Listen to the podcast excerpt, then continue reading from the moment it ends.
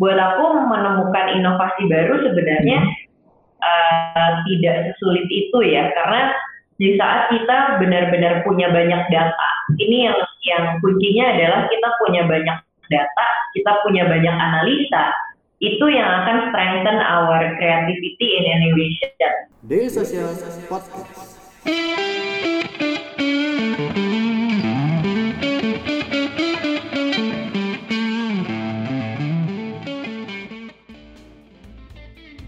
Selamat malam, kembali lagi di Selasa Startup bersama saya Ilham Sanjaya yang pada malam hari ini akan menjadi moderator Selasa Startup seperti biasanya. Dan uh, mungkin teman-teman di sini ada yang baru pertama kali ini nonton Selasa Startup. Jadi Selasa Startup merupakan uh, acara kita ya, acara rutin yang selalu kita adakan tiap hari Selasanya dan diadakan oleh Daily Social. Ini mungkin ada teman-teman yang belum tahu juga Daily Social itu apa. Kita kenalan dulu. Daily Social merupakan media yang berfokus pada informasi dan juga opini seputar startup dan teknologi. Nah, dan tiap selasanya tadi udah kita, uh, kita bilang bahwa kita mengadakan selasa startup untuk mungkin membahas insight-insight menarik seputar startup dan juga teknologi. Dan tema kita pada malam hari ini itu adalah innovative and creative problem solving. Untuk membahas tema yang wah ini udah inovatif, ada kreatif nih. Kita mendatangkan pembicara yang luar biasa juga yaitu Mbak Alamanda Santika dari Binar Academy. Halo, selamat malam Mbak.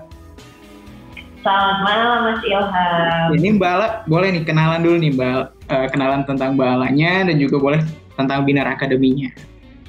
Oke, kenalan sedikit ya. ya. Um, ngelihat dari karirku sih selama berapa belas tahun aku emang ada di industri digital gitu kan dari zaman waktu masih yang namanya startup juga belum belum diomongin gitu ya. dulu tuh kita kumpulnya di Sleepycon Valley ya kan. Aku oh, dulu iya. sama penghuni awal-awal Sleepycon Valley. Jadi um, ya aku udah ada di dunia teknologi ini. Ya sebenarnya dari waktu aku kecil emang udah suka coding, akhirnya aku nyemplung di dunia ini dan sebelum di Binar Academy aku di Gojek sebagai VP of Product dari awal mula Gojek pertama kali akhirnya dibuat gitu kan itu hmm. aku dan tim saat itu yang membuat dan aku yang membangun tim teknologi di Gojek and then sebelum di Gojek sempat di Kartuku Kartuku perusahaan payment uh, company yang sekarang udah di acquire juga sama Gojek dan sebelum-sebelumnya ya di akhirnya uh, end up di journey yang sekarang, which the education teman akademi itu one stop digital career path uh, solution lah untuk teman-teman yang pengen masuk ke dunia digital. Kita hmm. bisa belajar di sana dan juga kita carikan pekerjaan. Pokoknya kalau mau belajar dan masuk ke industri digital lewat Bina Academy siapa pun yang masuk ke digital industry gitu mas Ilham. Oke ini siap nih siapa tahu nih ada teman-teman yang lagi minat tuh ya lagi lihat Binar Academy boleh langsung aja dicek di websitenya tuh Binar Academy. Nah Bala kita malam hari ini akan ngebahas tentang problem solving, inovatif dan juga kreatif problem solving. Tapi mungkin pertanyaan pertamaku yang langsung ada di kepala itu adalah kalau kita membuat suatu problem solving, misalkan dalam bentuk inovasinya itu produk ataupun justru kita membuat startup gitu. Kapan sih sebenarnya problem solving yang kita buat itu, solusi yang kita buat itu, itu bisa dikatakan inovatif dan dan juga kreatif. Gitu. Oke okay, oke. Okay. Jadi um, pertama sebenarnya kalau kita ngomongin uh, problem finder gitu ya. Kalau dulu kan kita ngomongin kalau kita mau cari solusi uh, lewat problem gitu ya. Tapi hmm sebenarnya sekarang yang banyak dilakukan itu adalah kita melihat behavior para customer kita gitu. Hmm. Bukan lagi melihat pain point, tapi behaviornya nih seperti apa. Karena kadang-kadang uh, customer ataupun kita juga nggak tahu sebenarnya pain pointnya itu di mana nah. gitu. Ya contohnya ya, waktu aku ngebangun Gojek karena ya Gojek itu produknya mudah ya karena setiap hari aku menggunakan Gojek gitu yeah. Nah sekarang pas aku bikin Binar Academy itu uh, bukan hal yang mudah untuk kita menciptakan produk-produk baru karena kita bukan studentnya gitu kan. Dan di saat kita meresearch sesuatu, kita melihat behaviornya mereka sebenarnya, behavior and attitude-nya mereka, gimana sih seorang student waktu dia mau masuk ke digital industry, apa yang mereka lakukan pertama kali gitu ya. Nah jadi hmm. kita lihat lagi ke arah behaviornya mereka, bagaimana mereka mendapatkan sesuatu gitu kan. Behavior itu kira-kira kita bisa membantu mereka tuh di mana gitu. Kayak misalnya uh, dibina kayak student-student yang mau masuk ke digital industry ini uh, mereka kayak nggak tahu mau mulainya dari mana waktu pertama kali mereka mau menginjakan kaki gitu kan. Hmm. Kemudian kayak mereka uh, sulit mencari mentor gitu. Nah itu jadi journey-journey yang seperti itu at some point mereka kayak oh kayaknya aku perlu, perlu mentor nih karena belajar dari YouTube aja itu nggak cukup gitu karena hmm. belajar dari video pertama aku juga bingung mau mulainya harus nonton yang mana dulu gitu terus setelah aku coba-coba pas aku start aku harus uh, kayaknya aku harus ngomong sama seseorang nih gitu kan nah, jadi journey itu yang sekarang tuh lebih tepat kali ya gitu untuk kita men mencari sebuah solusi gitu Hmm. Dan ini mungkin pertanyaan yang pertama tadi ya Mas ya, bagaimana agar kita lebih memiliki kepekaan ya dalam yeah, yeah. Iya, dan bagaimana mengembangkan produk maupun pelayanan untuk konsumen. Nah, simpelnya gini sih, kalau aku ya, aku punya quotes tuh, don't love your target, love hmm. your customer. Gitu. Karena ini pengalaman pribadiku ya, contoh ya. Pengalaman pribadiku datang ke sebuah bank lah gitu ya. Masuk nih kan ke ruangan prioritas lah gitu ya hmm. itu pas kita masuk itu tuh ditawarinnya tuh macam-macam gitu hmm. sama bankernya ya kan ditawarin yeah. produk-produk yang sebenarnya nggak relate sama kita gitu nggak relate dengan umur kita nggak relate dengan personaku yang masih jomblo ini gitu kan ya. Jadi mungkin produk yang dia tawarkan itu relate dengan orang yang sudah menikah dan lain-lain gitu kan. Nah ngelihat dari situ aku sebagai customer malah sebenarnya jadi kesel gitu. Hmm. karena karena aku tahu ini si Mas Banker ini lagi mikirin targetnya dia. Targetnya targetnya gitu kan salesnya dia itu achieve. Akhirnya dia lakukan udah gue sabar jaring ke semua orang gitu kan.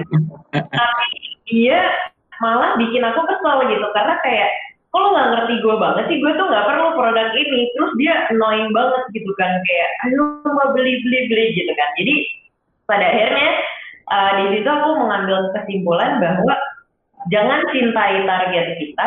Memang company itu harus punya target ya kan punya number gitu kan kayak target kita sekian salesnya cuman jangan lihat itu sebagai patokan kayak yang kita dewa-dewakan. Tapi yang harus kita dewa-dewakan adalah si konsumen itu. Karena dengan kita again mencintai customer dan kita mengerti day to day-nya mereka seperti apa, itu yang namanya inovasi itu akan banyak banget muncul gitu. Di saat kita benar-benar mengerti, memahami kebiasaannya mereka, mencintai mereka, akhirnya inovasi-inovasi baru itulah muncul dan buat aku menemukan inovasi baru sebenarnya uh, tidak sesulit itu ya karena di saat kita benar-benar punya banyak data ini yang yang kuncinya adalah kita punya banyak data kita punya banyak analisa itu yang akan strengthen our creativity in innovation in terms of data apa yang pertama adalah data tadi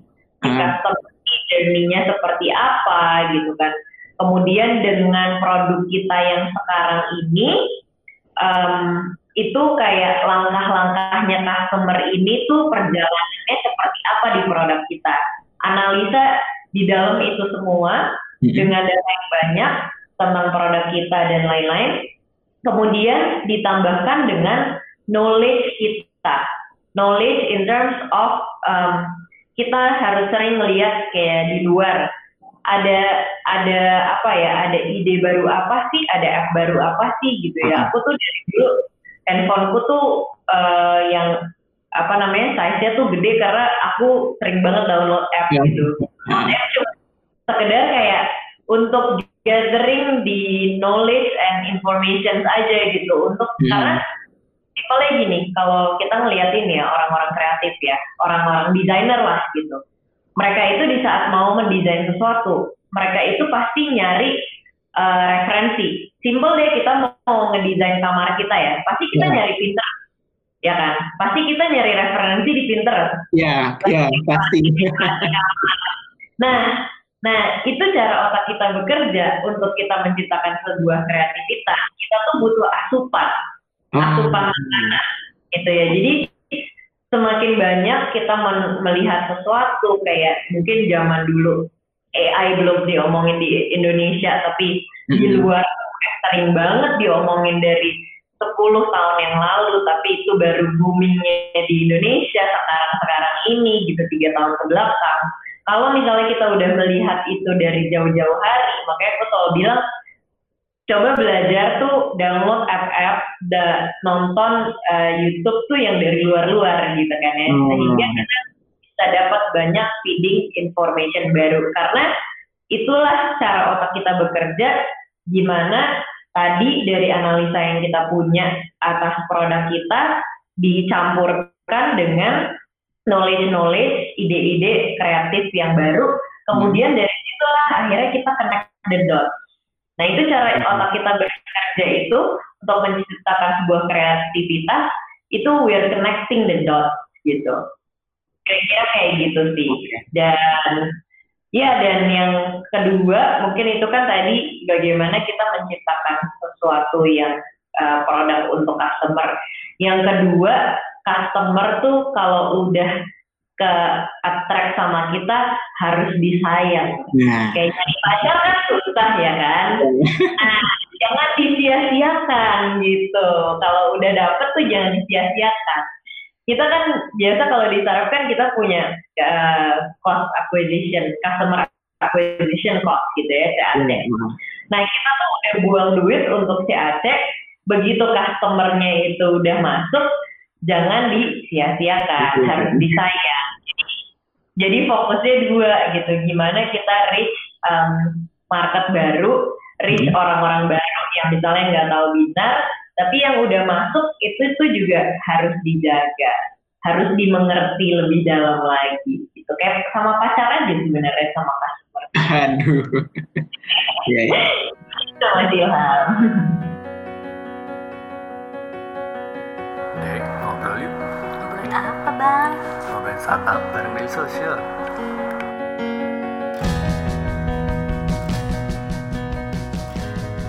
Daily Social Podcast. Mbak, tapi kalau misal, nah tadi kan Mbak udah bahas caranya nih untuk oh tahu customer behaviornya itu gimana, terus tapi gimana mbak kalau misalkan kita udah tahu customer oh oke okay, customer behaviornya seperti ini terus kita mau melayani konsumen atau menarik konsumen tuh untuk pakai produk kita uh, seperti ini lewat uh, problem solving yang kita atau lewat solusi yang kita ciptakan. Nah, tapi gimana Mbak? Kalau ada tips nggak untuk memvalidasi apa uh, memvalidasi nih? Kok kita udah buat produknya benar gak nih ternyata apa nyambung nih dengan per, ketemu dengan permintaan konsumen atau ke customer behavior tadi? Iya, iya, iya.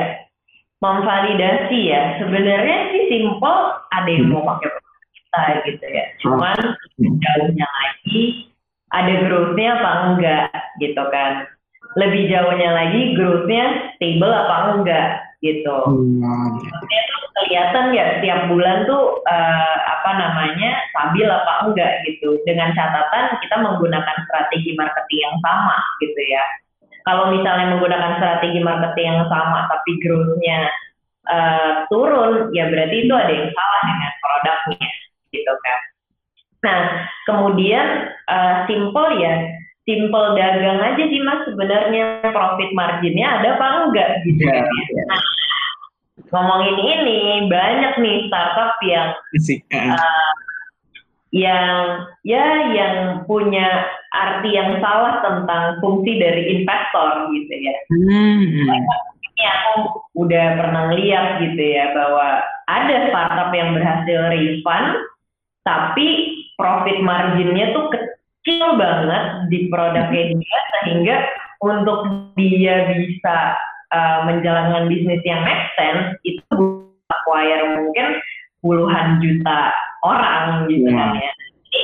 Nah jadi ya balik lagi ke konsep dagang sih gitu kayak profit marginnya masuk apa enggak gitu. Aku sih sesimpel itu aja ya karena karena ini yang memang juga pengen aku uh, rubah gitu ya kan. Soalnya mindset tentang orang-orang bikin startup oh ada duit investor.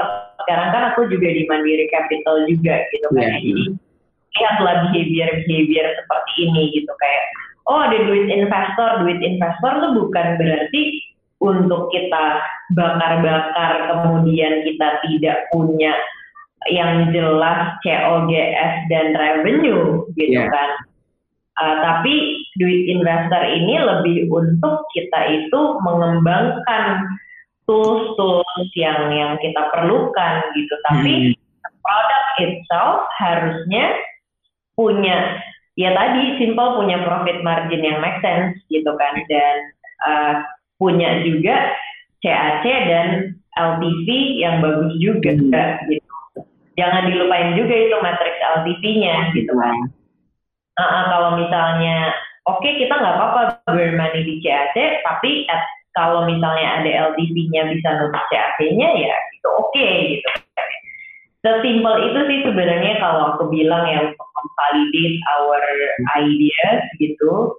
Again dari di investors money itu bukan untuk kita buang-buang gitu ya. Cuman uh, ya kalau misalnya memang uh, yang tadi kayak profit margin yang nggak make sense ya berarti the idea or the business is not doing well gitu. Hmm. Kayak gitu sih mas.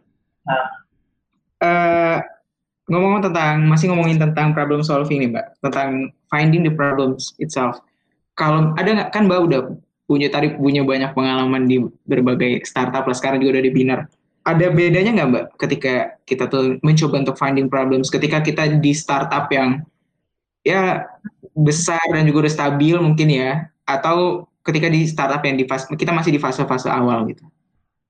Iya, iya, iya. Um, ada sih yang kerasa kalau misalnya semakin besar itu, yang pasti marketnya itu kan semakin broad ya, semakin Hmm. luas banget gitu ya. Jadi uh, benar-benar harus banyak melakukan uh, research gitu, research tentang customernya gitu. Hmm. Nah, kalau misalnya yang di fase-fase awal, ya karena marketnya juga masih kecil, mungkin eh, nggak begitu ribet gitu ya. Jadi itu sih yang lumayan lumayan terasa gitu. Eh, kayak ya misalnya eh, kayak apa ya startup-startup yang udah unicorn unicorn itu kan punya market kan dari ujung dunia mana ke ujung Iya. dunia mana kan yang Ah. dia yang berbeda-beda gitu. Nah, sedangkan kalau yang di fase fase awal ya masih lebih mudah gitu. Kayak gitu sih, Mm-mm. Mas kira. Cuman ya balik lagi sih sebenarnya tergantung startupnya apa juga gitu. Yang tadi aku bilang kalau binar ya memang ini the hardest uh, the hardest companies yang pernah aku oh ah. kenapa gitu ya. Soalnya aku dulu uh, software engineer, cuman zaman dulu behavior belajarnya kan beda. Waktu aku zaman belajar coding tuh nggak ada yang namanya Udemy, YouTube tuh belum ada gitu kan. Dulu tuh cuman ada buku dari Gramedia doang gitu. Nah, sedangkan sekarang ini kan anak-anak udah behaviornya kan beda banget gitu ya. Dulu aku kerja selalu kayak di kartuku it's all about apa sih namanya transaction gitu ya daily transaction. Itu mudah banget gitu di kepala tuh ya karena aku setiap hari meng- mengalami hal itu gitu kan ya. Terus kayak waktu di Berry Benka e-commerce itu masih masih oke lah gitu ya. Tapi ini ini yang memang paling challenging ya jadi it depends on the startup juga sih sebenarnya gitu Hmm. Jangan lupa subscribe Ngobrolin Startup Daily Social Podcast di SoundCloud, Spotify, atau aplikasi podcast favorit kamu. Eh, tadi kan Mbak di awal-awal juga udah sempat mention ya tentang kenapa em, bangun Binar Academy ya, ke, udah mulai tadi ke. Tapi uh, kalau misalkan lihat kondisinya sekarang, Mbak, itu udah lumayan ini belum problem-problem yang tadi kesulitan untuk mencari tempat untuk belajar yang masuk ke dunia digital atau seperti itu? Iya, iya, iya. Jadi um, yang pertama sih waktu kita bangun binar itu kita ngelihat dari makronya ya, yeah. shortage of digital talent gitu kan. Yang aku rasain sendiri gitu mau ngebangun tim tech itu uh, nge-hire anak-anak fresh grad juga mereka juga belum pas gitu dengan language yang kita butuhkan dan juga mereka learning curve-nya juga cukup lama gitu. Nge-hire yang udah senior hmm. mahal gitu kan ya. Sedikit banget juga gitu kan. Nah, jadi jadi itu uh, masalah yang pertama kali kita mau tap gitu. Dan waktu itu memang binar awal-awal kita punya uh, apa namanya akademi itu gratis gitu kan. Waktu dua tahun pertama tiga tahun pertama gitu. Dan ini sebuah inovasi yang memang pertama kali binar yang bikin nih gitu kan. Karena waktu itu kita melihat dari keseluruhan ekosistem yang berhubungan dengan binar itu supply chain yang berhubungan dengan binar itu siapa aja sih partis-partis yang ada di sana?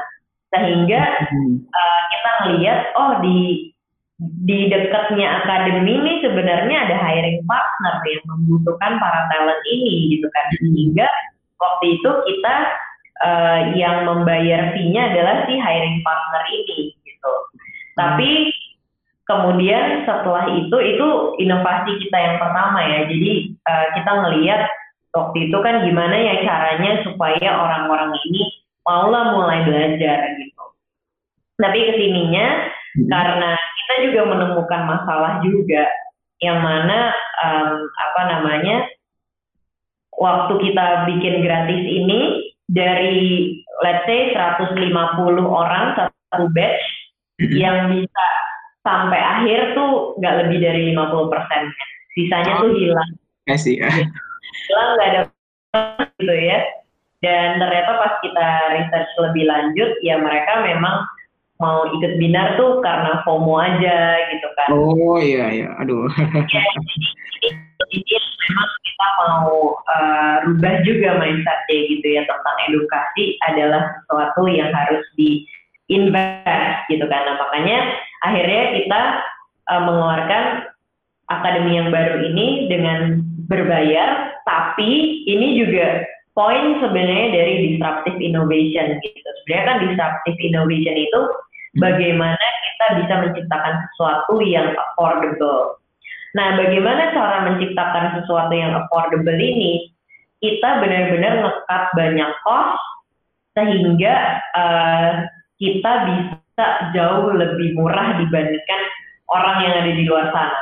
Kalau yeah. sama kayak yang udah terjadi kan disruptif disruptif yang udah terjadi itu orang-orang yang disruptif ini itu bisa harganya tuh lebih murah daripada pemain-pemain lamanya gitu kan dengan cara apa sebenarnya dengan cara mengoptimalisasi penggunaan teknologi gitu kayak di binar ini yeah. Ya. uh, untuk kita untuk kita cut the cost gitu akhirnya bagian mana yang bisa di sampaikan bukan sama mentor, kita bikin ada di dalam app app kita gitu kan. Hmm. Nah jadi penggunaan teknologi ini kita utilize banget gitu untuk menciptakan sesuatu yang affordable untuk sebenarnya ya bikin disruptive innovation hmm. lagi.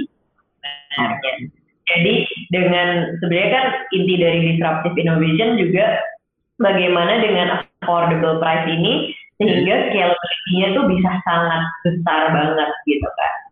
Itu sih sebenarnya yang, yang hmm. kita lakukan di Binar gitu.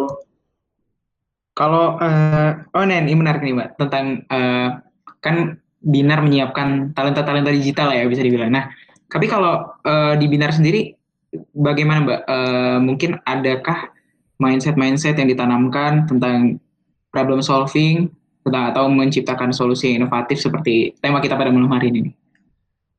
Iya, iya, iya. Jadi kalau di kita memang banyak ya cara-cara yang kita lakukan gitu ya. Sebenarnya bukan cuma creativity aja. Mhm. Um, karena gini, untuk kita untuk kita survive ya dalam hidup ini selain creativity itu tadi kan aku udah sedikit lah ngasih tahu caranya untuk uh, Iya. mendapat itu. Tapi yang paling paling penting juga how to communicate our innovation and creativity. Itu ya. Hmm. Karena gini, karena di saat kita punya ide bagus nih di dalam sebuah company gitu Iya. kan. Kita harus ngejual ini ke bos kita, ya kan? Iya. Begitu juga untuk para eh, entrepreneur gitu, entrepreneur di sini gitu. Kalian punya ide bagus, itu harus dijual ke investor atau ke klien gitu kan. Kayak di sini Dinar kita harus ngejual itu ke eh, B2B partner kita, hiring partner Hmm. kita sih misalnya gitu ya. Jadi ini juga yang penting juga sebenarnya yang sangat Hmm. saing sama innovation and creativity gitu. Karena ini aku banyak banget eh, mengalami apa ya ngelihat masalah ini nih di Indonesia nih entah Hmm. kenapa gitu ya karena kalau dulu tuh di di sekolahku aku inget banget zaman SMA tuh kita emang benar-benar sekolahnya tuh isinya presentasi doang gitu. Isinya bikin project presentasi bikin project presentasi gitu. Jadi eh, di sejak SMA karena mungkin SMA aku juga bagus ya jadi kayak jadi sejak SMA itu tuh udah dibangun gitu. Iya. SMA aku dari pondok lagu by the way. Promo sedikit buat Aliza. Iya, artis semua emang. Ada Rairan gitu ya, Rantu semuanya itu pokoknya artis-artis. Jadi emang kita tuh Iya. ah. untuk kayak delivering our thought itu tuh udah terbiasa gitu. Jadi itu juga yang sebenarnya kita lakukan di Binar gitu. Makanya kita tuh ada project based learning. eh, itu project based learning sebenarnya untuk mengasah kreativitasnya mereka gitu kan untuk Hmm. kayak mereka ngalamin problem kreativitas ini kan bukan cuma ide ya tapi gimana mereka itu bisa nge-solve misalnya di timnya itu tuh ada masalah apa gitu kan. Untuk making decision itu kan juga perlu uh, hal yang inovatif dan kreatif. Jadi dengan kita menggunakan si uh, project based learning ini anak-anak tuh benar-benar ngerasain kayak uh, satu tim bela- per- belajar tapi teamwork gitu. Akhirnya Hmm. kreativiti itu kebangun dan setelah mereka mengerjakan proyeknya mereka harus ada showcase gitu kan. Harus gimana mereka bisa uh, mempresentasikan yang sudah mereka buat gitu. Jadi Iya. itu juga yang penting tuh. Communication skill sebenarnya. Iya.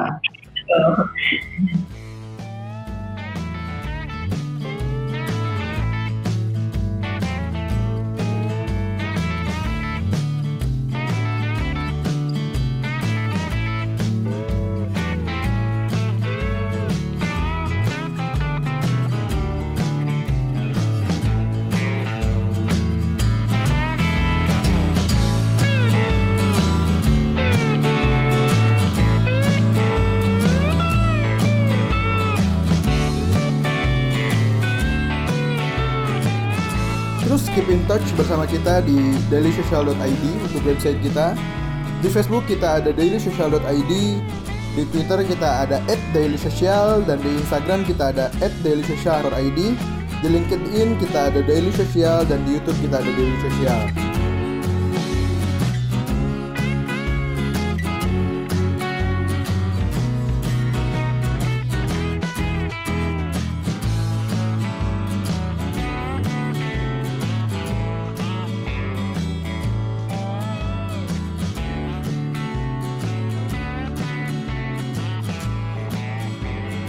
Daily Social Podcast.